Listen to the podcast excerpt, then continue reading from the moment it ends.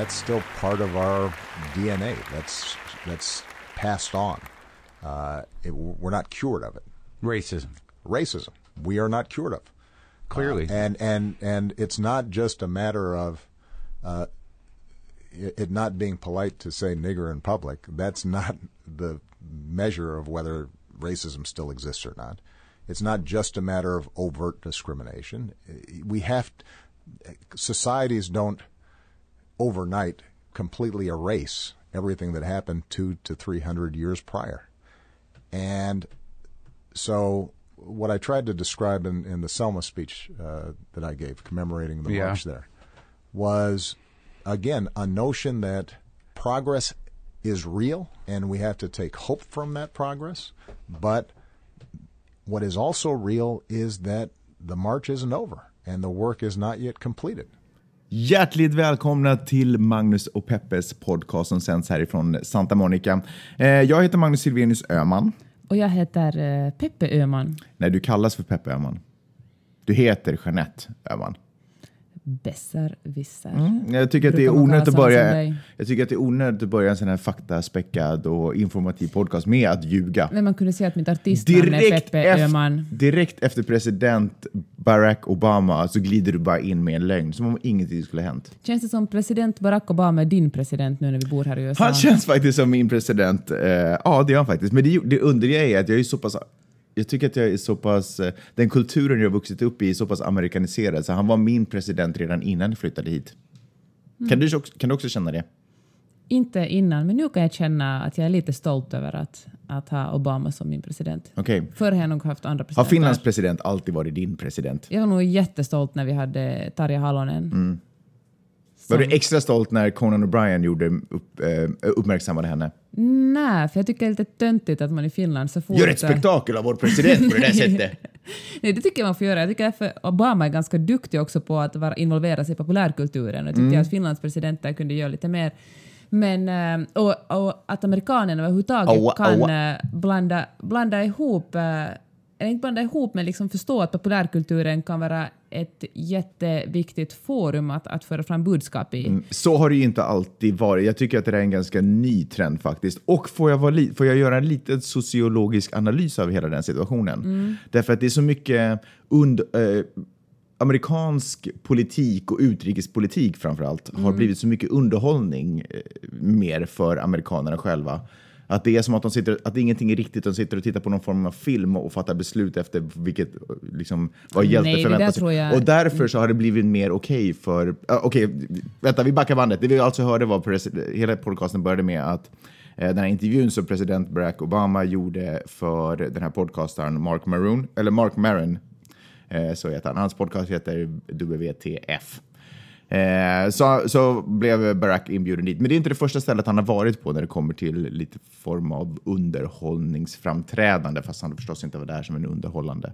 Han var också mellan, vad heter det, vad heter det Zac jag hjälpa dig här? Galifianakis. Ja, Between two ferns. just det. Ja. Också han varit med i Jimmy Fallon och en massa andra så här late night shows. Precis. Men jag tycker skillnaden mellan podcast och så här late night shower och den här eh, Zac Galifianakis Between Two Ferns är det att jag tror att det är mycket mer manusskrivet i dem, för det är mycket kortare episoder Jag också. tror att den här var ganska manusskriven också. Jag tror nog att han är förberedd. Såklart går han inte in helt Ja. oförberedd, men det är en annan sak att prata in i en podcast, hålla en diskussion på en timme, Ja. än att uppträda en uh, tio minuter eller en kvart. Jag tror också att det här är den enda podcastavsnittet som Mark gjorde, som, för vi är på first name basis, Johanna och jag, Mm. eh, som han gjorde som faktiskt inte har svärord i sig.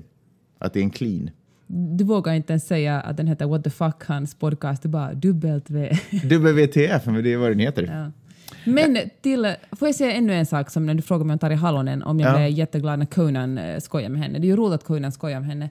Men jag tycker det är lite sorgligt att Finland blir så jätte, jätte, jätteglad så fort någon utanför vårt lands gränser märker att vi existerar. Varför är det sorgligt? No, jag menar, Finland är bra i sig. Vi behöver inte ha resten av världens bekräftelse för att veta att vi existerar. Nej, men det, vadå? Det är väl naturligt att om man blir uppmärksammad någon annanstans att det du, kolla, tänk på dig själv bara när någon, när du hör talas om att någon har nämnt dig på någon annan plats på jorden. Du bara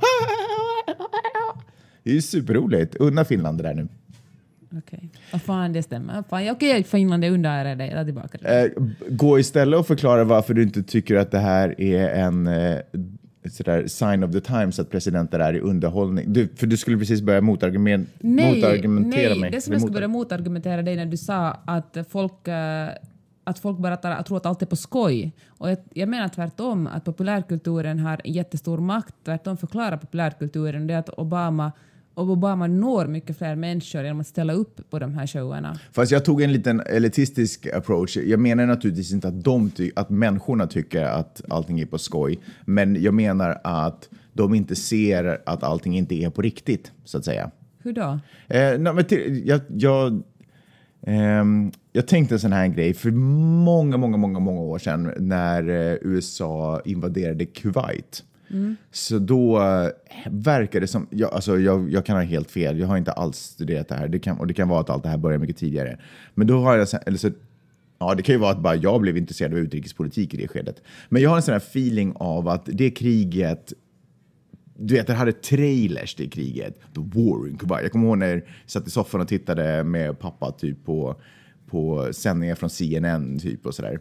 Eh, och allting blev mer och mer som om det var, alltså vi fattade att det var på riktigt, men det var mer och mer säljande. Liksom. Det skulle säljas det här kriget mer till amerikanerna kan man nästan få känsla av.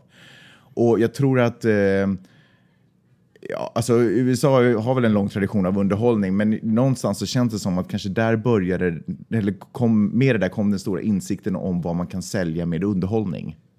Fast jag tänker så här, att om man är en duktig journalist Fast Reagan var ju faktiskt skådespelare också, han som blev president. Men eh, om, om man är en duktig journalist så kan man ju fortfarande rapportera oberoende men göra det på ett jättesnyggt sätt så att man upprätthåller folks intresse trots att det är någonting som kanske skulle kunna framföras på ett mycket tråkigare sätt också. Jo, men jag tror att eh, Vita husets PR-avdelning har en känsla för att man... eh, Jag tror att de tror att underhållning är ett bra sätt att sälja sina budskap på. Helt klart, men det behöver ju inte vara osanna budskap för den sakens skull. Jag menar, jag menar att Mm. Nej, underhållning frågan är- måste inte vara dåligt. Nej. Bara för att någonting är torrt och liksom, eh, Det är betyder sant. inte att det är bra automatiskt. Det är sant. Men frågan är, kan, kan det amerikanska folket se skillnad på underhållning och inte? När, när till och med den, stora fak- när den viktiga faktan kommer presenteras som underhållning. En del kan, andra kan inte. Det är ju som 300 miljoner människor här. Jaha, just så. Just så. Just Nej, så. men nu talar vi om det vi egentligen skulle tala om, om eh, Mark Marons uh, intervju Ja, vad med vill du Obama. säga?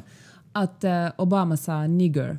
Mm. Han sa ordet nigger, vilket är helt... eh, det är någonting som ingen president tidigare har sagt i en intervju eller någon inte annan högt politiker. i alla fall, så att man Nej. skulle ha hört det. Och eh, ja, så det var verkligen uppseendeväckande. Mm. Han pratade i det här klippet, jag vet inte om ni kommer ihåg det, nu var det ju ett tag sedan ni hörde det. Det var typ igår, för jag talar så länge om amerikansk populärkultur. Ungefär. Eh, men han pratade alltså där om, eller eh, frågan han fick av Mark var egentligen, upplever han att saker och ting har förändrats i USA när det kommer till rasism? Eh, dels naturligtvis i egenskap att han själv är halvsvart och dels i egenskap att han naturligtvis är president och säkert har haft några förhoppningar om att, och drömmar om att förändra saker och ting. Och hans svar är helt enkelt att eh, att ja, man får inte man får liksom inte ta bort det faktum att massvis med saker har förändrats. Att vara svart på 50-talet när Barack Obama då lär ska ha vuxit upp är en helt annan sak än att vara svart idag, till exempel i det amerikanska samhället. Eh, men det finns naturligtvis otroligt mycket kvar att göra. Och, och, och, det handl- och, och de stora förändringarna handlar inte om huruvida man ehm, är oartig och skriker ut neger på stan. Det är inte liksom nödvändigtvis det som Eller ohyfsad till och med. ohyfsad. Ja, precis. Ohyfsad, ja. Precis. Tölpaktig. Det är, Ja. inte, det är inte liksom nödvändigtvis där... ehm, det är inte det som är kärnan i rasismen, huruvida folk skriker ut eh, neger på, på stan som sagt. Eh, utan för USA så är ju rasismen, eh, som vi har pratat om massvis med gånger, den är ju så strukturell. Den är, den är ju en del av egentligen hur USAs ekonomi har byggts upp. Det har varit en förutsättning för att USAs ekonomi ska byggts upp. Eh, Hur då? Eh, s- slavar drog, har ju dragits in sen innan USA ens fanns, när det fortfarande koloniserades av Spanien och av andra länder, så har ju så, 1600-talet så har det tagits in slavar. Jag tror att de flesta, mellan år 1700, nu ska jag se om jag kommer ihåg det här rätt ungefär, eh, mitt, under 1700-talet ungefär, 1700-talets första hälft, hälft eller till mitten, skitsamma, 1700-talet så drogs det in ungefär närmare 200 000 slavar till USA. Alltså 1700-talet, jag vet inte ens om det fanns så mycket människor på jorden på 1700-talet. Det är ju fruktansvärda mängder. Gratis liksom. arbetskraft. Precis, som har, som har stått, eh, och sen andra, jag vet inte riktigt vad som var den stora export och importvaran då, men du vet förr eller senare så är det ju Bomull. bomullsplantaten och tobak, tobaksplantaten. Så de har stått och byggt, där de här stora magnaterna liksom har byggt upp sin ekonomi på. Och du menar att rasismen idag fortfarande står, Ja, men- står på den här grunden? Ja, och det, det säger ju Barack Obama också, att den här rasismen går ju tillbaka hundra, hundratals år. Liksom. Så det, och den, den, kan man ju inte bara, den ändrar man naturligtvis inte bara över en natt. Men då förstår man också att problemet är större än att någon skriker neger. Och till och med större än den, på något sätt den öppna rasismen, därför att allting, hela USAs ekonomi bygger på den här, det här synsättet på andra människor. Eh, Så att säga neger är ett symptom på rasismen. Eh, precis, som du, som, eh, som du skrev i din, eh, i din HBL-blogg. Eh, men, men det är intressant, eh, för då, då tycker, men sen tycker jag också däremot att det är viktigt att man då inte nödvändigtvis...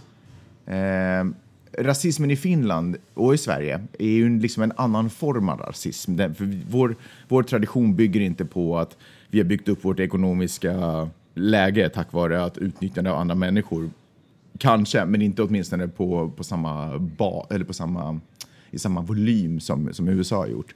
Utan vår rasism grundar sig snarare mer på bara okunskap och du vet eh, xenofobi, rädsla för andra kulturer och, och sådär. Och det är ju saker som man kan på något sätt den känns mycket lättare att vända om folk bara vill att lära sig nya saker och inte så himla bångstyriga med att oj, det har ju alltid varit så här, så då kan det väl fortsätta vara så.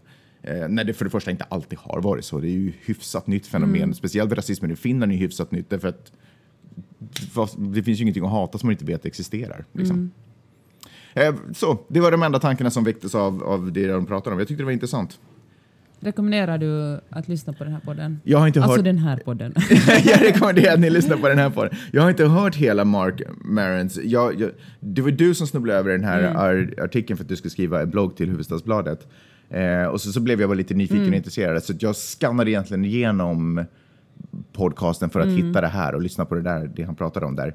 Eh, däremot, det, det lilla jag hörde, ska jag bara säga, det kommer komma en liten snabb recension av, av den där, just det avsnittet. Eh, Barack Obama är ju jag tycker att han är otroligt behaglig att lyssna på. När han pratar. Jag vet inte om Han det... viskar i ditt öra. Ja, jag vet inte om, om, night, om, om det beror på att jag vet att han är president så det kommer med någon form av tyngd, någon form av visdom som, som han typ besitter. Ehm, eller om det är kontrasten till att Mark låter superhetsig. Så när Barack Obama pratar ungefär på det här sättet och pratar om att det har hänt mycket i landet, vi ska ta avstamp ifrån det i någon form av känsla av hopp, men vi ska inte inbilla oss att marschen är över, att kampen är över. Så kommer Mark Maroon in och... Du, du, du, du, du, du, sådär. Så det är en lite rolig kontrast. Min kompis Malin textade mig igår och var sådär, jag är så besviken på Obama. Varför då? Punkt. Jaha. Jag bara, Åh, vadå, vadå, vadå? Och så sa hon, att, alltså utvecklade hon i ett senare textmeddelande, att uh, Maron hade bett honom uh, nämna hans sina fem favoritkomiker. Mm. Och då hade Obama nämnt eh, fem stycken vita snubbar. Okej. Nåja, men på tal om vita Det komiker. är ju, det är ju eh, less, eh, han kunde ju ha slängt in någon annan för sakens skull, men om, man, om det är hans fem favoriter så kanske det kom någon annan på sjätte plats. jag tänkte att det var... Jag tror att det var ett spel Ja. för det vita galleriet. Nej, jag tror tvärtom att det var det som kanske inte var manusskrivet. Ja, kanske. Att Han, bara- gick ja, ganska för hårt. den vita snubben är ju liksom normen och det är ju intressant att, att eh, till och med presidenten går Ja, på normen. Liksom. Det är sant, men eh, saker som jag hörde som jag tycker var värt att notera som jag nog kommer backa och lyssna tillbaka mer på Mm. eh, var bland annat att han gick ganska hårt ut mot eh, vapenlagen i USA. Mm. Eh, det har han ju gjort i andra situationer också, men eh, han liksom gick hårt ut mot det egna landet så att USA är unik på det sättet. Det Mm. är liksom på sätt och vis ett av de sjukaste ställen på jorden för ingen annanstans på planeten jorden händer sådana här saker. I den här, ju, ja, I den här i den här frekvensen och Ja. utan att folk egentligen reagerar desto Ja. mer än att hålla någon form av kondolenstal. Liksom. Vapenlobbyn är så himla stark. Ja. Och han gick också hårt... Förlåt, ska du säga något? Um, Nej, men var tyst då. Dude. Vad säga? Säg något smart. Nej, Okej, och en annan grej som han gick hårt ut mot var också biljonärerna, eller miljardärerna i USA. Det handlar om skattesänkningar för, alltså huruvida de ska få Ja, skattesänkningar eller det som jag skulle säga var att det är ganska skönt att vara en avgående president. Ja, då nu kan man ju säga vad som bara-. Jo, men det var ju det här skedet som man började Ja. gilla Clinton och alla. Ja. Bush var typ den enda som man var så här, okej, nu äntligen. Dra. Ja. Men för det är ju nu de verkligen kan säga precis Ja. vad de vill och de behöver inte bry sig om om de får stöd i kongress Ja, precis. eller senaten eller vad tusan som helst. Men han gick hårt ut också mot, eh, han sa en ganska skön grej eh, när det kommer till de rika. Han sa så där, och det här kan jag känna i många gånger när man sitter och argumenterar, Mm. vare sig det handlar om feminism eller om det handlar om rasism eller någonting annat. Han sa att eh, om någon kommer och argumenterar, om någon kommer till mig och argumenterar för att eh, de, eh, den rikaste procenten i USA, de här miljardärerna Mm. och, och, och miljonärerna, att de ska få skattelättnader därför att det, skulle kunna, därför att det gynnar ekonomin. Eh, så då får, de, då får de naturligtvis komma med det argumentet. Men om jag sen presenterar fakta eh, baserat på du vet, statistik som går tillbaka decennier där man har testat de här, den här vägen, visat vad det har resulterat, har tydliga resultat på, eller tydliga exempel på, tydliga siffror på vad det har resulterat i och eh, visar också andra vägar och visar hur, hur det har, res- vad det har resulterat i. Eh, som, som tydligt pekar på att det inte är sant. Eh, så i något skede så skulle man ju vilja ha det här, ah, okej. Men du vet, man får aldrig det där. Det, finns alltid, det är som att de inte argumenterar egentligen för allas välfärd, utan de argumenterar bara för Såklart. det egna. Ja. Vilket är en punkt vi ska komma tillbaka till senare i den här podcasten. Okej, men får jag tala nu om en annan vit komiker, Amy Schumer. Min När ska jag få super- prata då? Min, äh, den här podcasten kunde Din heta husgud. Magnus monolog eller något sånt. Äh, min hu, alltså husgud, får man ens, jag tror att det förbjöds på 80-talet att säga husgud. Då är det dags att ta tillbaka 80-talet är Äh, tillbaka. jag älskar ju Amy Schumer, jag tycker hon är så sjukt Mer rolig. än mig och Vidar tror jag. Jag vet, men hon är så rolig. Men eh, nu blev hon... eh, hon blev, och så ofta när hon blir riktigt stor, hon börjar verkligen vara superstor. Hon uppträdde i Los Angeles för några dagar sedan. Ofta när hon blir och riktigt stor. Nej, men när, man blir, någon blir riktigt Ja. stor, alltså är superpopulär. Så hon uppträdde, det var i, i LA för några dagar sedan, och det var sjukt dyra biljetter och det var tusentals platser. Alltså det, Mm. det är ingen mysig liten eh, klubb längre. Utan, men, eh, Så som hon får det man- att verka i sin show, att hon fortfarande är... Ja. Det, för, för, förlåt, en liten Nej, nej, parentes. Ja, men liten parentes, för det där är ju roligt hur, hur de här stora ändå alltid ska...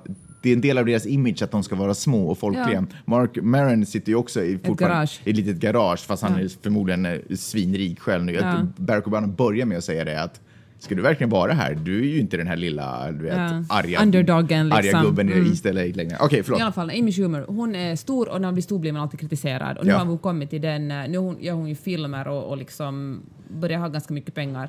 Så nu börjar hon bli kritiserad och alldeles med fog. Hon har blivit kritiserad för att dra rasistiska vitsar. Mm.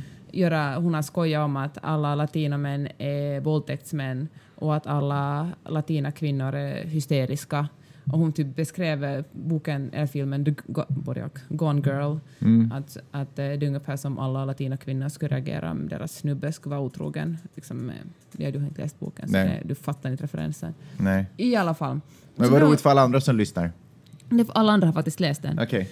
Men, eh, men hennes svar på att bli kritiserad för att dra rasistiska vitsar var att, eh, att alla vet ju att jag inte är rasist, jag är feminist, sluta ta mig i bitar. Mm.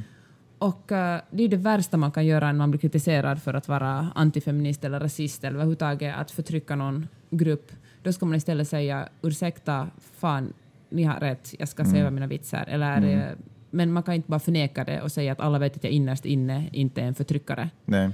Och, ja, och hur mycket jag än älskar henne så älskar jag henne piki, piki lite mindre nu efter Ja, det det är här. sant. Bara för en sån, jag tycker hon är Ja. skitrolig ännu. Hon Tänk så borde här- vara smartare än så här. Jag vet, hon borde veta Men bättre. kom, kommer det ihop med, hänger det ihop med att hon är stor nu också? Att hon känner att hon inte tänker över vitsarna på det sättet längre? Nej, För hon tror att hon är del av det lilla folk. Du vet samma sak som vi har pratat, diskuterat om och den vit, vita finländska mannen, att han har ju alltid varit en, En underdog, underdog, ja. men, men ser inte transaktionen till att vara i maktposition. Kanske lite, men hon sa också att hon inte har dragit någon sorts rasistiska vitsar på två år, att det liksom hör till någon gammal grej. Jaha, okej. Men så är någon annan som motbevisade henne i The Guardian och sa att hon på vad det, MTV Music Awards eller något sånt hon hostade, att hon visst hade gjort det. Men eh, när Lina Dunham be, blev eh, kritiserad för att bara ha vita kvinnor i sin TV-show, så först blev hon väl också sårad och sen sa hon att ursäkta. Eller hon gjorde alldeles rätt, hon sa sorry, fan jag har fokuserat så mycket på att vara underlig, tjock och judisk att jag helt har glömt bort att det finns massor av andra minoriteter som inte alls finns med här. Och så försökte hon i följande säsong ta in, liksom, jag vet inte hur bra det gick, men i alla fall göra det liksom lite mer eh, di- diversifierad. Men då tänker jag att det är så superenkelt att säga förlåt. Det är egentligen det världens enklaste sak att säga förlåt, jag fattar, jag var dum och så går man vidare. Men tänk att det ska vara så otroligt svårt. Ja. Men det, och det har vi också talat om tusen gånger tidigare, men det måste väl handla om det att man alla känner att de gör rätt. Att Ja. ens- att Man är alltid det goodguy i hjärtat. Ja, Ja. man vill ju inte vara så, men alla fattar ju att jag inte är rasist, men trots att man inte är det så kan man ju säga dumma saker ibland och då måste man bara be om ursäkt för det och lära sig av sina misstag. Men jag tycker, bara att det, eh, jag tycker bara att det där är ytterligare ett exempel på att man aldrig får ge upp kampen med sig själv. Liksom man måste alltid hela tiden jobba på att vara en bra människa. Att det är ingenting som man har nått en nivå och nu behärskar man den tekniken och kan bara luta sig tillbaka. Dels för, därför att samhället förändras och, och vill man vara en del av det så måste man också på något sätt utvecklas tillsammans med det. Inte nödvändigtvis man måste inte nödvändigtvis tycka om alltihopa och vara helt i konsensus med allting som sker. Man får ju liksom föra en kamp nog. Men jag tror att en, en av de största kampen man konstant måste föra är med, med sig själv. Att man inte går i samma fällor som man alltid, och framförallt inte går i samma fällor som man alltid har försökt bekämpa. Mm, fast det är ganska tungt, jag kan Det- förstå absolut, det, att hela tiden ifrågasätta sig själv. Ja. Men eh, jag, det är underligt, för ju rikare man blir och, och ju mer möjlighet man har att ägna me, full tid, full fokus åt det man vill göra, så borde det på något sätt vara lättare att, att engagera andra människor, att hjälpa en som stödpersoner. Och, och du vet, när man har suttit ensam på sin kammare och fattig och dessutom haft två arbeten, så varf, varför gick det så bra då? Det är så konstigt det där. Men jag tror att det har med... Fast gick det så bra då, liksom?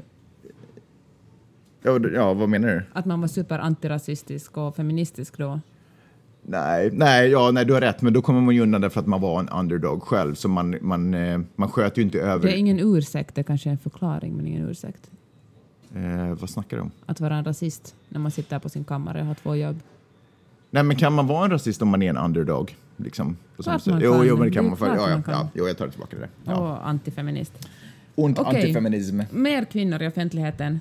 Läste en grej om eh, Madonna på New York Times Mm. som skulle handla om att, eller den handlar officiellt om att Madonna är evigt ung. Mm. Att hon liksom kämpar för att hålla sig ajour med ungdomen. Och, eh, och liksom den, den ville låta som, som om den skulle vara sådär heja Madonna, bra gjort. Men det, den här texten genomsyrades eh, mycket tydligt av skribenten tyckte att eh, act your age. Ja. Att eh, det inte är okej att eh, den tog fasta på Madonnas senaste video som var ganska bra tycker jag när hon dansar omkring och hånglar med kvinnor och män och är liksom Alla väldigt unga i och för sig. ja, men än sen då? Ja, no, alltså om hon vill... Ja, fortsätt din argumentation. Vad är din point? Uh, min point är att jag blir helt galen på att, att kvinnor när de eh, blir, eh, fyller en, en, viss, ål- fyller, blir en viss ålder ska act your age. Vad fan betyder det? Jag menar, Madonna har själv sagt, hon tror jag är 57 nu, då hon sagt att, att hon vill vara den som sparkar in alla dörrar och liksom... eh, För de äldre.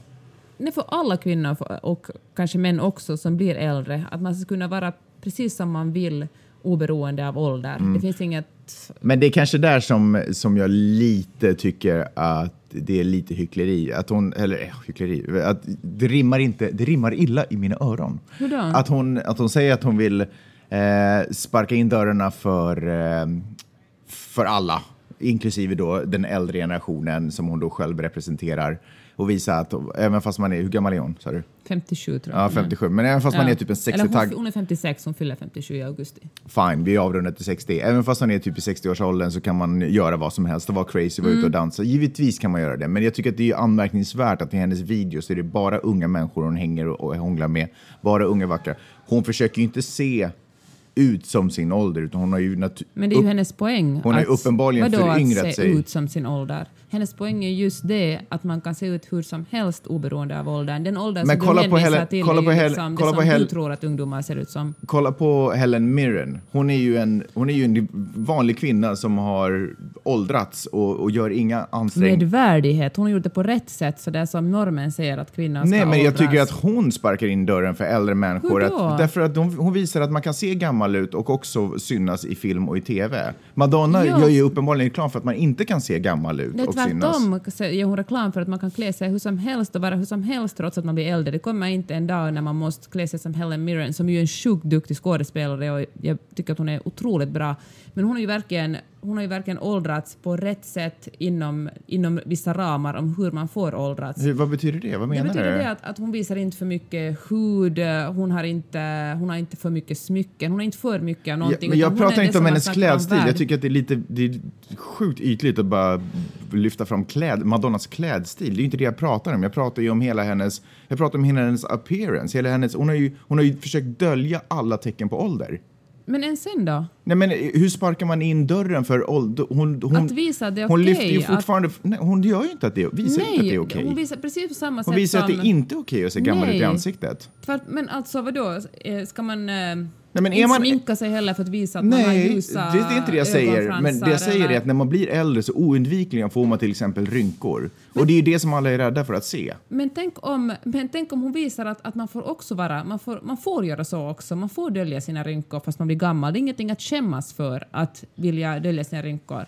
Men då skäms man ju för sin ålder.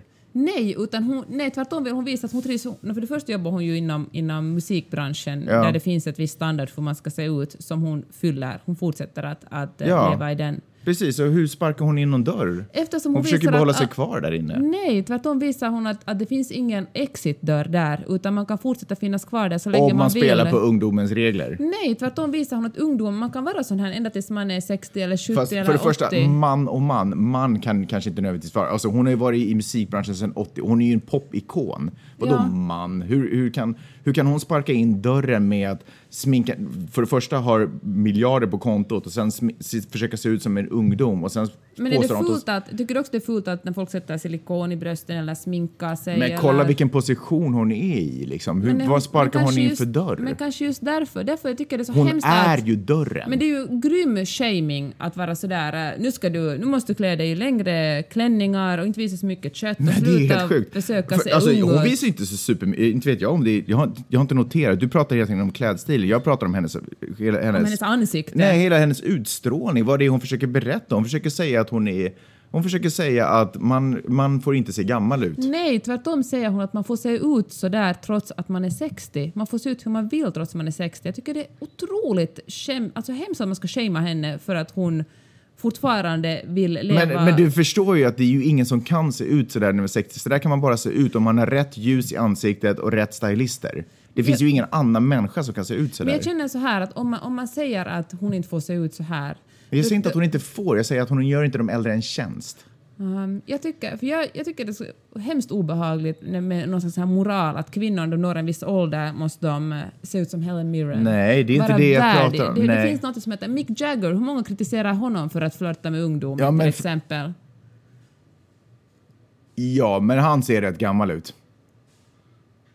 Han ser ju nog, alltså jag, jag pratar fortfarande inte om kläder. Jag tänker bara att kvinnor... Mick Jagger så, flörtar med ungdomar, vad fan? Nej, men, så han klär sig med... Vil, ref, vilken referens? Varför då? Han är också gammal Ja, och i samma är- bransch. Vilken var videon som han flörtade med ungdomen i? Han har ju flört, han har ju sett ut på samma sätt sedan eh, 60-talet. Och ingen håller på att kritisera honom för att vara ovärdig eller... Nej, men jag säger inte att du, du pratar, eller du, du pratar om den här äh, p- journalisten som har skrivit Act your age. Jag, jag säger inte Act your age. Det, jag, jag säger inte att hon ska göra det. Jag säger... Hur ska hon göra då? Lyssna. Du, sen fortsatte du och så sa du att, hon, att Madonna har en mission på att sparka in dörrar för de äldre. Där kommer jag in. Det tycker inte jag att hon gör. Jag tycker att hon misslyckas. Fine om det är hennes mission. Eh, liksom, bra, du har min välsignelse Madonna. Oh. Men eh, eh, det är roligt att du tog rollen som Madonna där. Men, Det är roligt att du ger henne permission. men hur, huruvida hon... Jag tycker inte att hon gör det. Jag tycker att hon tvärtom motarbetar det faktiskt. Jag tycker inte alls att hon gör det lättare för äldre att få vara naturliga och sig själva och de Vad de vill naturlig? vara. Hur är det med man är naturlig då? Den man naturligtvis vill vara, men jag menar hon har ju valt en ganska snäv grupp som fortfarande vill... Men hon jobbar, hon, är ju, hon jobbar ju i en bransch, hon gör populär musik. Mm. Då Så man vore du inte där, vore du inte Eller där. är hon för gammal i din Nej smak men för att kolla, med hennes, med, hennes, med hennes backup i vad det gäller kapital och vad det gäller liksom idolstatus. Så hon skulle ju faktiskt kunna sparka in dörren för folk som också vill se äldre, se hur äldre skulle hon ut. då Liksom. se ut? Hur skulle, du, hur skulle du styla henne? Och, Eh, nå- kanske inte sminka henne lika hårt och inte ha liksom... Du varför vet, det? Varför ska hon dra ner på sminket liksom? Det för det är Vadå osmakligt? hon drar ner på sminket? Nej, vadå osmak? Vad, hör du inte vad jag säger? Hon tittar på henne, titta på henne, gå in och kolla på hennes video. Hon ser ju ut som en 20-åring på videon. Jag säger inte att det är ovärdigt av henne att se ut som en 20-åring. Jag säger att hon gör inte människor som ser gamla ut en tjänst inom popvärlden. Se Men jag säger en... Go Madonna. Ja, jag säger... ja, Alltså, Du köp- säger act your age woman. Nej, jag säger ju jag inte skojar, det. jag vet. Jag skojar bara Magnus. Idiot. Idiot kan du vara själv. Eh, nej, jag, alltså jag tycker att det hon gör, jag gillar också den där videon, jag tycker att den är ascool. Eh, men om hennes budskap var att jag vill göra det, jag gör det här videon för att det ska bli möjligt Nej, för det andra. är aldrig hennes budskap varit. Hon Men du sa sparka in när I sparkar in har hon sagt någon gång att hon sa att, att hon, vill inte, hon vill vara den som visar att man kan vara hur ungdomlig som helst. Eller ungdomlig inom stationstecken. Det som vi definierar som ungdomligt är ju väldigt snävt faktiskt. Ja, men det där är bullshit. Hon vill ju vara den som kan göra vad hon vill i resten av sitt liv. Det är ju vad hon vill. Good hon... for her, då Ja, jag. men låtsas inte som att du, håller, att du är ute på något sådär världsomvälvande uppdrag. Gör din grej i så Ja, fall. Jag fast- hade inte sagt, haft någonting att Nej, säga i den här jag podcasten att inte- om hon bara hade kört på bara, ja men jag gillar min grej, det jag gör, jag kommer göra det tills jag Fast dör. jag tycker nog att det finns en poäng där. För jag tycker att alla, häromdagen var jag på en fest och träffade min gamla professor från USC som är kanske 70. Mm. Hon ska föreläsa på Princeton nu. Jag tycker också det är coolt att de flesta professorer liksom slutar inte jobba för att de är 60 eller 65 utan de bara fortsätter. Mm. Och hon sa att hon tycker att det är så otroligt sorgligt att eh, hon märker att, att kvinnor i, i långt, långt yngre än henne är så noga med att, att eh, dölja sina armar, för alla vet att det är så fult med kvinnor, som, med lite äldre kvinnor som, som vars armar kan vara lite hängiga, eller som eh, tycker att, att man bara kan sminka sig på ett visst sätt för att man har nått en viss ålder. Och, och det var kanske det som fick mig att reagera extra starkt på den här Madonna-texten, för att eh, vad är det för underliga krav på att man fyller en, eh, man fyller någon, man fyller en viss, eh, man blir 50 eller 60 och plötsligt så är det blir utseendehetsen på ett helt annat sätt. Då ska man vara värdig på något sätt för att det, det Nej men ingen... värdig, vad betyder det? Vad snackar du om? Det som du refererar till när du säger Helen Mirren. Man ska inte vara för mycket, man ska hålla sig Nej men jag bara säger, där är en kvinna som ser gammal ut och fortfarande kan göra sin grej. Men det gör ju Madonna också. Men nej, hon ser inte gammal ut. Men är det viktigt att se gammal ut då? Nej, men om man vill underlätta för äldre människor att få göra det de vill göra så är det väl schysst om de, för de flesta som är äldre ser gamla ut. Och då är det väl schysst att hjälpa dem och inte hjälpa 20-åringar. Fast inte hjälper väl Madonna en 20... Nej, men nu blir det här tråkigt för alla som lyssnar. Vi Jag börjar du är tråkig för alla som lyssnar. Ska vi prata om någonting annat? Eller vill du avsluta bara? Du kan, få, du kan få sista ordet i det här. Nej, ja, om, i Madonna-grejen. Ja. Nej, jag tycker bara det att jag tycker det är skönt att hon visar att eh, man kan... eh, att hon helt enkelt, alla som gör lite annorlunda öppnar upp för resten av världen. Alla som vägrar att, att falla in i normen och göra som uh, patriarkatet vill, Mm. tycker jag gör det lite lättare för oss andra vanlisar. Ja, jag håller med dig. Försök att inte falla in i normen. De har aldrig gjort dig något gott. Ja, ska vi tala om Sara Larsson? Okej, Vet du vad det handlar om? jag vet vad det handlar om. Det handlar om... Eh, men jag kommer inte ihåg vad festivalen hette. Brådvalla? Brådvalla. Det handlar om att hon, skulle, hon, var, en, hon var uppskriven att vara artist där, men fick ingen reklam för det. Fast inte riktigt så. Nej. Alltså, hon eh, blev intervjuad av Expressen och så sa hon att det är tråkigt att det finns så dåligt med genustänk på festivalerna. Att det finns bara en massa snubbar som spelar. Och, eh, och så hade, sa hon, hade hon sagt så här, och eh, finns jag ens med? Jag vet inte som jag spelar på den festivalen för jag kan inte se mitt namn på, på de här affischerna. Och då, den här intervjun som DN gjorde med henne handlade om att hon var den mest, eh, ned, ne- mest nedladdade på Spotify eller någon annan musiktjänst, att hon har en så otroligt stor fanbase. Och, eh, och då... Får jag bara flika in där? Eh, hyfsat snäva kriterier, men det du säger är fortfarande sant. Hon var alltså mest nedladdad av... De hade sammanställt en lista på alla de, eh, kanske skandinaviska, men framförallt svenska artister som skulle uppträda på den här festivalen. Mm, där, där också amerikanska artister och, och andra utrikiska artister är uppe. Eh, Men den här Spotify-listan var alltså sammanställd av de, nej inte sammanställd av, utan det var en lista på alla de nordiska artisterna tror jag. Och hon Mm. var den mest nedladdade av dem. Aha, nu, här, står att den bara den populäraste artisten. Det Journalister älskar att förenkla. Ja. Jalla, och precis min poäng. Sen har hon ju fått, sen gick Expressen och gjorde en sån att säga rewrite Mm. och liksom eh, plocka information från eh, DN och så gjorde de en egen rubrik där det typ stod att hon, vänta ska se om jag hittar det här, eh, att hon har gått i attack mot Brådvalla för att hennes namn inte syns på att affischerna. Vilket är att ta en grej ur sitt sammanhang och göra en smaskig rubrik på det. Och, eh, och då, eftersom hon har sjukt mycket följare på Twitter så blev hennes, så hon kommenterade sen den här kommentaren på Expressen och var så att men kom igen, måste ni felcitera mig? Och Expressen var så att men ungefär så här sa du ju. Och eh, för den här rubriken ledde till, ledde till att hon fick så otroligt mycket hat. Hon är alltså 17 år gammal, den Mm. här bruden. Och Hon fick liksom folk, eh, män mest då, skrev att de ville mörda Har du henne gjort en studie på om det henne. var män? Men alltså folk på, på Okej. Facebook skriver under sitt eget namn. Ja, om inte det är okej. jättemånga kvinnor som har pseudonym. Okej, okej, okej, okej, jag fattar. Och ehm, Förlåt, jag sa, jag sa lite fel. Det var faktiskt amerik am- amerikanska artister med också, men det var inte sådär en, en overall, för naturligtvis har de amerikanska artisterna mycket mer lyssningar på det stora hela i sin karriär, utan det här var något, det var något snävt mer. Var det det senaste låten? Anyway. Skitsamma. Ja. Uh, no, I alla fall så fortsätter hon att diskutera med Expressen på Twitter och säger att, att det är superoschysst av er att, att, eh, att eh, felcitera mig och sätta ord i min mun och Expressen argumenterar emot. Sen faktiskt följande dag så ändrar Expressen den här rubriken. Men, eh, men det har ändå lett till att hon fått liksom oändligt mycket hot och hat. Och då tänker jag no, för, på två saker såklart. Det är att först liksom kvinnohatet, det är ju helt otroligt. Ja. Och fan, hon är 17 år gammal. Det går ju superbra för henne.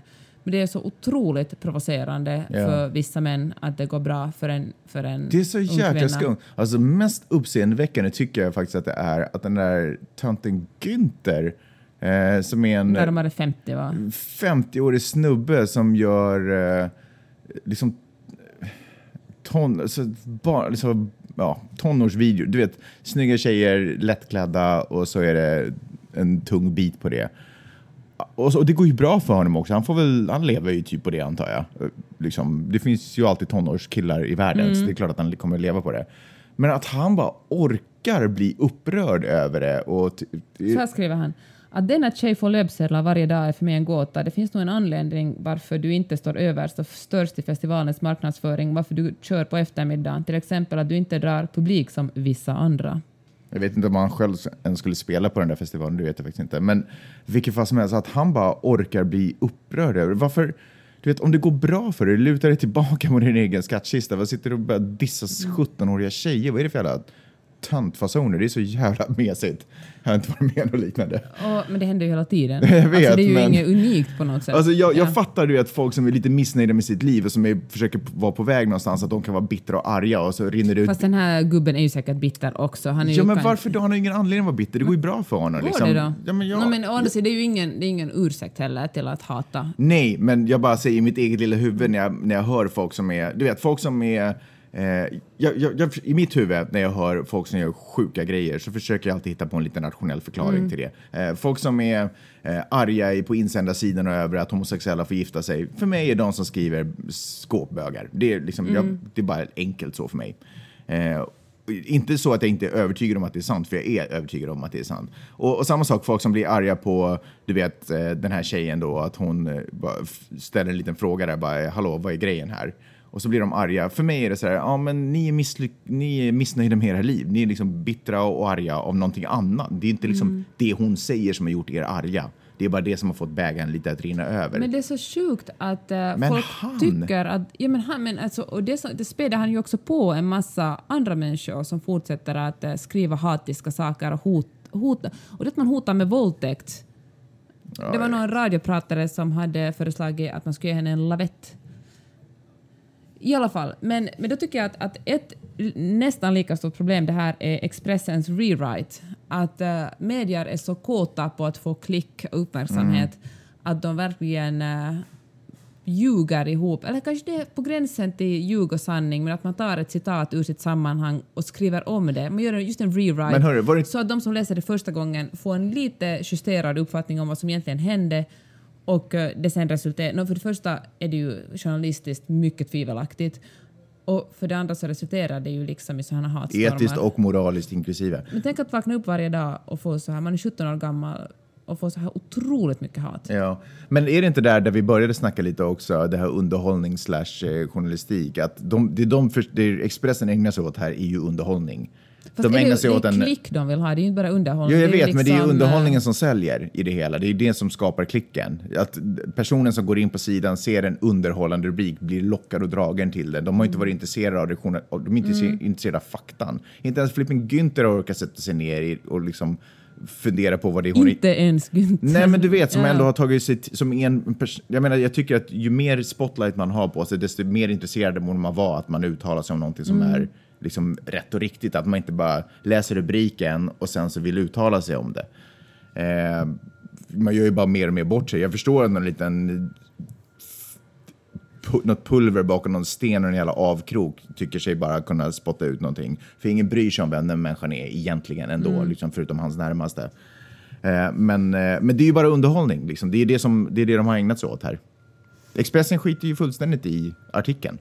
Men då tänker jag att varje gång Expressen eller någon annan gör en så här felaktig rewrite för att få mera klick, eller som du kallar det underhållning, så förstör man ju journalistikens trovärdighet lite. Man Ja. liksom raserar, och det sorgliga är att det är det enda fan som journalistiken har kvar, är trovärdigt rapporterande. Ja. Alltså absolut. Det är ju, ja, Det det- underminerar ju allting som journalister försöker ägna sig åt. Ja. Och Det är ju sorgligt. Och jag tror att det också i längden påverkar... Okej, kvällstidningarna har alltid jobbat med att eh, kanske balansera på gränsen mellan fakta och fiktion. Men, eh, men jag tror att det i längden också påverkar eh, dagstidningar och så att säga, seriösa tidningar. Det är intressant för jag tycker att Aftonbladet och Expressens, det finns ju motsvarande i Finland, jag läser bara inte så jag kan inte uttala mig om dem, men jag utgår från att de är exakt samma skit, il, vad heter Iltalehti och allt det där.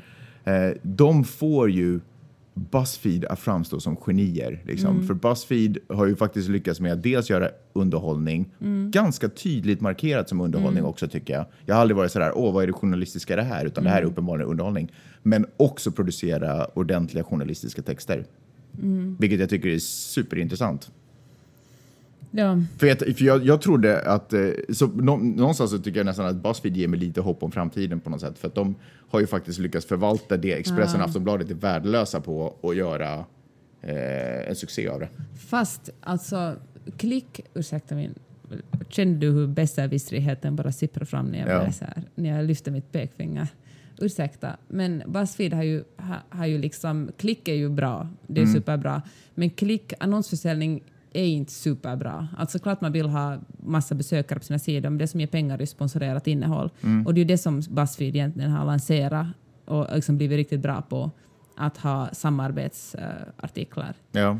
Och eh, det är ju det som också lite förstör, nu vet jag vad det är svenskan eller DN, det här borde jag veta, det svenskan som till exempel gjorde ett, ett samarbete med Volvo där en av deras journalister åker omkring med någon slags företagsledare i en Volvo som är mycket noga utpekat och gör då journalistik i en Volvo-bil. Och eh, nu skickar ju Aftonbladet en korrespondent till Silicon Valley sponsorerad av Telia som också ska göra då oberoende journalistik sponsorerat av Telia. Fast det är oberoende, men det är sponsorerat Men av jag Telia. tycker inte att... Jag har inte, det kan vara att de bara är så duktiga så att jag har gått på det, men jag tycker inte att de har gjort det på det sättet, Buzzfeed. De har tydliga, nu testar vi det här, eller fem anledningar till varför du inte ska åka Volvo, du vet, och sådär. Men, men sen så tycker jag också att de har, och det kan vara att, att det finns en anledning till att de har valt just dem, men sen kan de ha liksom ganska sakliga och intressanta analyser av eh, jag kommer inte på vad jag skulle kunna läst, men till exempel, jag vet inte om de skriver det, men situationen i Fifa och, och hela, den, Mm. Ja, ja. hela den katastrofen Ja, som inte menar- känns supersponsrad. Liksom. Nej, nej, men de har gjort jävligt tydligt av Jo, att. De, de har inte varit så här, nu gör vi journalistik som är lite sponsorerad, utan de har gjort så här, nu gör vi sponsring och Ja, det här är Nu journalistik. sitter vi och testar 15 olika läsker, eller nu sitter vi och, okej, kanske lite otydligare än så, men ändå att jag tycker det är gan- Jag upplever inte att jag har haft något superstort problem att avgöra om, om jag har ägnat mig åt underhållning nu eller om jag har ägnat mig åt Att fy. Baba skrev en, en kolumn i Hufvudstadsbladet igår som en kompis med uppmärksamma. Där hon, Barbara Taylor alltså. eh, hon är VD för KSF Media och efter att jag sagt det här kommer jag, mitt kontrakt att avbrytas med, med tidningen. Nej, men eh, jag skrattar nervöst. men, Ja, fortsätt. Men äh, där hon skrev, där hon skrev faktiskt just om, om de här samarbetena, för att, hon började med att, att Hufvudstadsbladet blev, eh, opinionsnämnden hade dömt Hufvudstadsbladet för att ha lagt ut en, eh, en, eh, ett samarbete där vi, har, vi, alltså de hade glömt att skriva annons över det. Det var alltså ett innehållssamarbete som var sponsorerat, men det lilla ordet annons hade händelsevis fallit bort, så att folk trodde att det var en, en journalistisk produkt. Men Folk så, utgick ifrån att det var det. ja, Ja, som när man bläddrar i en tidning och läser en text så. absolut. Men, eh, men då skrev hon att det kanske, och då nämnde hon faktiskt både Volvo och Telia och de här svenska samarbetena och sa att eh, det kanske blir mycket bättre journalistik av om, om journalisten verkligen brinner för ett ämne än, än om man lite sådär vardags eh, o, oberoende objektivt Och vad kan få en att brinna mer än löftet om en bil kanske? Eller, ja, eller, precis. Ja. Och det var fan jättekonstigt sagt tycker jag. För jag tycker att det, det är klart att, att om, om, om man brinner om ett ämne så om jag nu till exempel skulle brinna för feminism så tycker man då, då en person som skulle läsa mycket på det här ämnet eller utrikespolitik, eh, Grekland eller vad som helst. Eller säkerhet i bilar eller vad tusan är. Precis. Men då, då kanske man som journalist har forskat mycket och därför gör en, en bra rapportering än om man kommer helt iskall in i ett nytt ämne ut, Ja. utan att veta något om det. Men att säga att, att de här innehållssamarbetena, att man brinner extra mycket, att, hur kan man blanda ihop liksom? Eh, Det kan ju säkert få journalister som inte vanligtvis brinner för någonting utan som bara är, du vet. Om man brinner för pengar till exempel. Ja, om man brinner för pengar då är det naturligtvis, då är det ju Ja. en morot. Ja, Men, jag eh, kanske inte håller med henne där heller. Nej.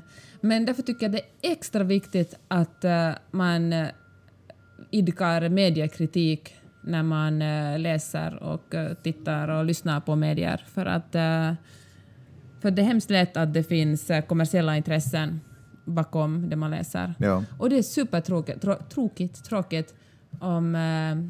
ja, alltså, alltså journalisten... Den, alltså, det finns ju ingen journalistik kvar om allt är köpt. Nej, så är det. Det, finns, det, det enda som journalistiken har kvar är någon slags trovärdighet att kunna rapportera obundet. Men vad fan, snart är ingenting obundet längre. Nej. Får man börja om från början? Hur då? Man får eh, ta ett medborgarinitiativ där man gör det utan att bli ersatt och precis som folk som vill bli fotografer har ett extra knäck och sen så på sidan om så gör man journalistiska texter utifrån det, är man är intresserad av. Ja, det är bara det att det behövs, alltså, det behövs pengar för att kunna göra en bra, bra journalistiska... Alltså det är få människor som är så rika att de kan på sin fritid forska i någonting i flera månader. Ja. Jag tänker på den där... eh, Och det är väl så det kommer bli förresten, för så, det har ju bland annat hänt i... Alltså, det är ju lättare för rika att göra saker och ting därför Ja. att de behöver inte ha tre jobb. Rika kan vara konstnärer Ja, eller precis. författare eller vad fan Det blir som ju lite helst. snedvriden rapportering bara, även fast jag tror att det naturligtvis finns rika med stort och gott hjärta som också värnar om den lilla människan. Men det, ju, det finns ju risk att det blir snedvriden rapportering. Jag tänker på den där st- stora reportage om äh, nagelsalonger som New York Times gjorde det i våras. Mm. Att den journalisten hade jobbat ett år på det. Fatta det. Jag, alltså, tänk att få kunna jobba ett år på ett reportage. Ja. Sen gav de ut det på fyra olika språk tror jag och det spreds ju supermycket. Och, och, och det gav ju kanske en viss, och det gav ju New York Times ännu mer trovärdighet. Ja. Och kanske till och med fler Men prenumeranter. det skulle, ju, det skulle ju vara fullt möjligt i Finland om det var så att amerikanare också läste Hufvudstadsbladet. Nu är det bara Det är ju 70 publiken personer liksom. som Ja, men det är ju typ det. Det är ju ledsamt. Hörru, jag vet att du hade ännu en grej att tala om. Ja, apropå New York Times eh, och egentligen faktiskt lite apropå det vi pratade om tidigare om nu kommer jag inte ihåg vad vi sa, men jag kommer ihåg att jag sa i något skede i början att Åh, det här ska vi återkomma till. Eh, åtminstone så förra veckan så förvånades jag över att folk inte gör... Eh, var, varför hör man inte de här starka motkrafterna? Till exempel då rasism som är väldigt på tapeten i mitt huvud när det kommer till finsk, eh, liksom, finskt samhälle. Varför hör man inte de här starka motkrafterna i mängder, liksom, som jag vet är en majoritet av landet? Och plötsligt, som av en slump, så sitter jag och läser New York Times och så eh, på opinionssidorna och så får jag svaret. Ehm, varför den lilla människan, som vi ändå alla på något sätt är, varför vi inte gör eh, upprop, eller uppror. Och eh, i, i, nu gäller ju det här, artikeln handlar naturligtvis om läget i USA, så därför så kan man inte översätta allting rakt över till Finland. Men jag tror att det finns, det jag kommer komma till, tror jag ändå kommer anknyta lite till Finland. I USA är det nämligen så att minimi, de som lever på existensminimum, de har, den, den gränsen har till och med sjunkit. Folk lever för, med mindre pengar nu. Det har gått ner med 2000 dollar per år. Och det kanske inte låter som jättemycket pengar, men om ni tänker er att 13 000 var det det var förut och nu är det 11 000 på ett år. Så förstår ni att det är ju inga pengar folk lever på eh, i det här landet. Och så även fast folk har mindre pengar nu eh, än vad de har, och liksom alltså är fattigare än vad de har varit tidigare så verkar det som att folk inte bara blir arga av det. Och det här är tydligen svaret, eller ett av svaren. Eh, det är nämligen så att alla sådana här mm, små produkter som eh, tv-apparater och underhållningsprodukter har också blivit otroligt mycket billigare. Så även fast vi har mindre pengar att röra oss med så har vi ändå möjlighet att ha alla de här eh, det som förr var lyxprodukter är nu vanlig Ja, människaprodukt. Som har, TVn. Vi har, fort, ja, precis, vi har fortfarande möjlighet att röra oss med de här eh, distraherings-sakerna runt omkring oss. Så vi lider inte av det på samma sätt, vår fattigdom, eh, gör, menar den här artikeln. Eh, och det tyckte jag var superintressant. Eh, så att vi liksom, eh, man, kan, man kan tryckas ner av det stora rika kapitalet om man bara får, du vet, lite apor som dansar runt Okej, omkring en. Då sitter okej. vi bara och tittar på dem och så är vi inte så brydda Är, längre. det- men är, är det här för, på, grund, liksom, på grund av att det sitter andra människor i Kambodja, Bangladesh och eh, gör, Ja, och Kina det finns precis, det hade jag inte ens tänkt på. Men som, så är det ju. Som gör att produkter vi köper, konsumtionsprodukter, är så Ja. otroligt mycket billigare. Det är okej för oss att vara så här fattiga därför det finns folk som är ännu, ännu fattigare. Och därför, därför stiger inte folk upp på barrikaderna, för de tycker att de har det ganska bra. Fast För vi har, en, vi har ändå lite underhållning. Men det finns en annan anledning till att vi inte stiger upp på barrikaderna. Det, det har skrivits flera... Det här är på, egentligen på inget sätt ett nytt fenomen. Redan för flera år sedan så har det skrivits böcker om det här av... Det var någon, det var någon eh, forskare i Tyskland som nu då i och för sig har avlidit som hade skrivit någon bok som heter Individualisering och det är det det kommer handla om. Eh, det jag ska berätta om. Eh, för jag ska ta en liten paus och bara säga att alla de här artiklarna och alltihopa som vi refererar till och pratar om i den här podcasten, de hittar ni om ni går in på flipboard.com slash Magnus och Peppes podcast tror jag. Och där hittar ni allt vårt referensmaterial. Så vi kommer inte, förut så gjorde vi så att vi la upp dem på vår Facebook-sida, men nu hittar ni egentligen där en länk till de här eh, artiklarna. Så då kan ni gå in och läsa själva ifall det, jag har missförstått någonting så får ni själva en, en vettig bild av hur det gick till det här som jag nu producerade med mitt eget huvud. Så individualisering är alltså vad det handlar om. Nu för tiden eh, så bryr vi oss inte om våra medmänniskor på samma sätt. Vi, vi har eh, jag tror att den här artikeln menar på, sen, sen 30, när depressionen var i USA på 30-talet och det var bara fruktansvärda tider så måste man så blev, det, så blev lösningen på de problemen de här ekonomiska krafterna, marknads, eh, marknads, eh, eh Kapitalismen. Kapitalismen, precis, blev, blev liksom lösningen på det här. Det här ledde till, och, och den fria människan, det var det som blev liksom fokus. Och i och med det här så upphörde också det traditionella klassamhället där, där liksom folk som har varit skomakare alltid är skomakare och ser efter sina skomakarvänner ungefär.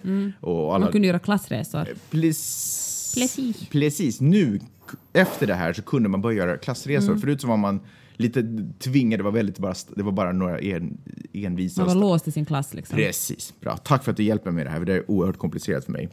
Eh, men i och med kapitalismen och friheten som börjar marknadsföras, att alla ska ha möjlighet, att- the American dream, vi ska kunna göra vad som helst i det här landet, vem som helst ska kunna göra vad som helst, så upphörde det här klassamhället i teorin, eller liksom eh, den... Det såldes som om det skulle... Ja, men, Eller? men på sätt och vis så upphördes det också. Men det som framför allt upp, upphörde var lojaliteten till den egna klassen. Eh, därför att det blev mer min resa och vad jag, är, vad jag ska vara kapabel att få göra och, och åstadkomma i livet.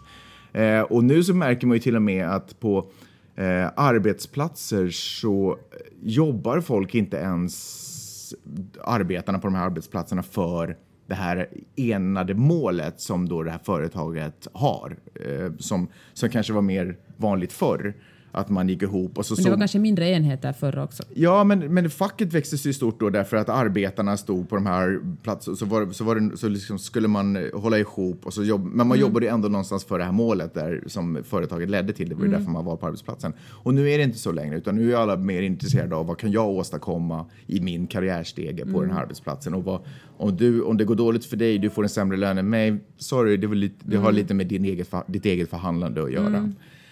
Eh, oj, och det här är då alltså egentligen svaret eh, till varför folk inte reser sig upp och ställer och skriker, tänker jag mig då. Eller jag börjar se de här kopplingarna, att kanske det är det som är svaret till varför folk inte ställer sig upp och skriker. Eh, Fast inte... folk gör ju det, men kanske mindre de klass. Jag menar feminister och Ja, men- antirasister samlar ju sig nog. Men du vet, i princip, jag, jag, jag har en... Politiska partier då? Ja, typ. Det sker ju inte så jäkla mycket i Finland heller. Jag, jag tänkte så här, att svaret, ett av svaren till kanske, eh, ett av svaren till varför eh, det inte finns så, en så stor mob, mobiliserad eh, Motkraft. motkraft till, till rasismen i Finland är därför att folk egentligen inte Folk är mer fokuserade på sin egen resa. Och så länge den inte nödvändigtvis direkt tacklar din egen resa så är det liksom inte andra människors lidande är inte en del av din egen resa, om du förstår vad jag menar. Eh, men med detta sagt, eh, så det, som, det är ju inte ovanligt att folk eh, mobiliserar sig och går ihop i grupper. Du vet, gay pride och, och mm, feminism på sätt och vis, kanske ett orättvist exempel, men, men minoriteters rätt, eller liksom ehm, Ja, det, det är liksom inte minoriteter som, som till exempel när det kommer till hudfärger, men det är på något sätt minoriteter som bottnar i individers personliga uttrycksvilja att vara den de är. På något sätt. Det är deras individuella resa. Eh, och då, därför så menar de här artikeln att det här går ganska bra ihop med till exempel Pride som är ett bra exempel. Dels så var det ju nyligen, eller är, nej var. Eh, och dels så är det också ett uttryck för den individens rätt att få vara den den är på väg på sin Så egen resa. andra likadana- och då hittar man andra individer. som är på väg på ungefär samma resa. Och så länge våra, vår väg överensstämmer med varandra så då följ, går vi med varandra i det här tåget. Eh, men, men det här är ju inte klassbundet eller någonting utan det är ju vem som helst. Det handlar om din egen personliga resa oavsett var du är på den här stegen. Så därför funkar det ganska till, funkar det bra eh, till skillnad mot till exempel fackföreningar som det inte går så bra för. Och, eh, och du vet, ja, förenade bönder, vad, fan, vad det nu kan vara. Okej, men ditt råd är att vi ska förena oss, gå ihop. Nej, alltså det är inte mitt råd. Eh, Jag, bara, jag tycker att det är viktigt att förstå vad det är som händer. Jag tycker det är, det är synd. Mer solidaritet. Ja, absolut. Solidaritet är ett ord som inte längre... Det, det, det skojar man ju nästan om idag. Och det var ju liksom... Det är det, det ordet som har varit grunden till världsfäl, välfärdssamhället som vi Men det är ju upplever. som, alltså USA är ju verkligen ett extremt, ett extremt exempel, för här är ju socialism ett superfult Ja. ord. Det är verkligen någonting som alla vill undvika. Till. Ja. Ja, precis, när, även fast man har eh, ehm, socialiserande, socialistiska eh, tankebanor så måste politiker som, som ska presentera det här måste göra det utan att använda ordet socialism. För om, så fort de gör det så är de brända. Då går inte det argumentationen fram längre. Så det är tragiskt. Det, jag tycker också det är intressant att poängtera att alla de här valmöjligheterna, i här, vi är ju fria människor och vi, det betyder att vi har alla de här valmöjligheterna att göra. Och jag tror också att det är viktigt att poängtera, eh, som en liten parentes till det här eh, som också kom fram i den här artikeln, att de här valmöjligheterna är ju inte saker som vi bara kan koppla på när vi känner att nu, vill jag, nu har jag rätt att välja. Utan de här valmöjligheterna är saker som vi alltid utsätts för. Du kan inte leva ett fullvärdigt liv om du inte konstant gör val. Ge ett exempel. Eh, nej, jag kan inte ge ett exempel. Okej, var, hur, var, du ska, ehm, var du ska investera dina pengar eller någonting. Om du inte gör det Ja, valet, ska du lön på ett bankkonto eller ska du... fonder eller Ja. vad, du vet hur, hur du än vill göra. Därför att, Eller som vi, inte har några pengar alls. Exakt, det är mycket lättare att leva då. För om du inte gör det, och det här gäller vilka val det än handlar om, hur du vill att din familjestruktur ska se ut egentligen och, och Nu var det annorlunda förr då? Eh, nej, ja, alltså förr i tiden så kanske man inte hade på samma sätt valmöjligheter eh, och speciellt inte kanske inte upp, ja, av, sociala tryck och av liksom lagliga tryck så hade du inte valmöjligheter. Jag menar, kvinnor kunde inte rösta för allt för länge sedan och sådär. Så det, det är inte bara... Eller göra abort eller Ja, äta p-piller. Det här är inte liksom en fråga om att det var bättre förr eller det var Ja. bättre nu eller det är ont eller gott. Ja, det är bara en förklaring på det här hur är bara- samhället förändrats. Det här är bara, vi har ju naturligtvis försökt utveckla Så får sam- alla dra sina egna slutsatser. Ja, det, det, han, vi har ju alltid försökt utveckla samhället så att det ska vara så bra som möjligt Mm. hela tiden. Men det här med att vi alltid har valmöjligheter kommer med ett pris. Det betyder att nu när vi är totalt inom typ liksom fria och har jättemycket valmöjligheter så kräver det otroligt mycket mer av oss. Mm. Eh, förut så hade vi inte valmöjligheter och naturligtvis så det var inte så bra för oss heller för då fick vi inte uttrycka oss och göra det vi ville göra. Men nu så måste vi hela tiden göra de här valen därför att annars så gör någon valen åt oss. Eh, För så fungerar det. Att den här kapitalismen gör ju också att sitter ju någon och väntar på att du ska fucka upp så den kan tjäna pengar på det. Eller locka dig till att komma hit, klicka på den här artikeln, gör den här grejen. Hela tiden locka dig. Om du inte gör ditt eget val hela tiden. Eh, Så du, du menar det är också ett val att inte göra ett val? det är absolut ett val. Eh, valet är då att då låter jag någon annan göra valet för mig och så hoppas jag bara att det är en bra typ som gör det valet. Och det finns ju inga garantier för det alls. Så den här friheten kommer ju med ett pris. Liksom. Du måste hela tiden vara aktiv. Och det är ju det. Är man, är man en slav så då behöver man inte vara aktiv. För då säger någon gå dit, gör det där och så kommer piskan om man inte gör det. Är man en fri människa då måste jag själv välja vart jag ska gå. Okej, men vänta lite. Alltså, men det är ju ganska, det är ju bättre att vara fri än att vara en slav. Jo, det är bättre, men det kräver väldigt mycket av dig. Och man kan inte tro att man bara kan luta sig tillbaka och ja, men nu är jag fri, jag har alla de här valmöjligheterna. Ja, men det är inte så att de bara ligger och Man väntar på behöver att du ska göra kunskap för dem. att fatta rätt beslut. Ja, och de här valmöjligheterna sitter inte och väntar på att du ska göra dem, utan de här kommer, det är som att det kommer en massa valmöjligheter skjutandes emot dig hela Mm. tiden och du måste hela tiden välja väg.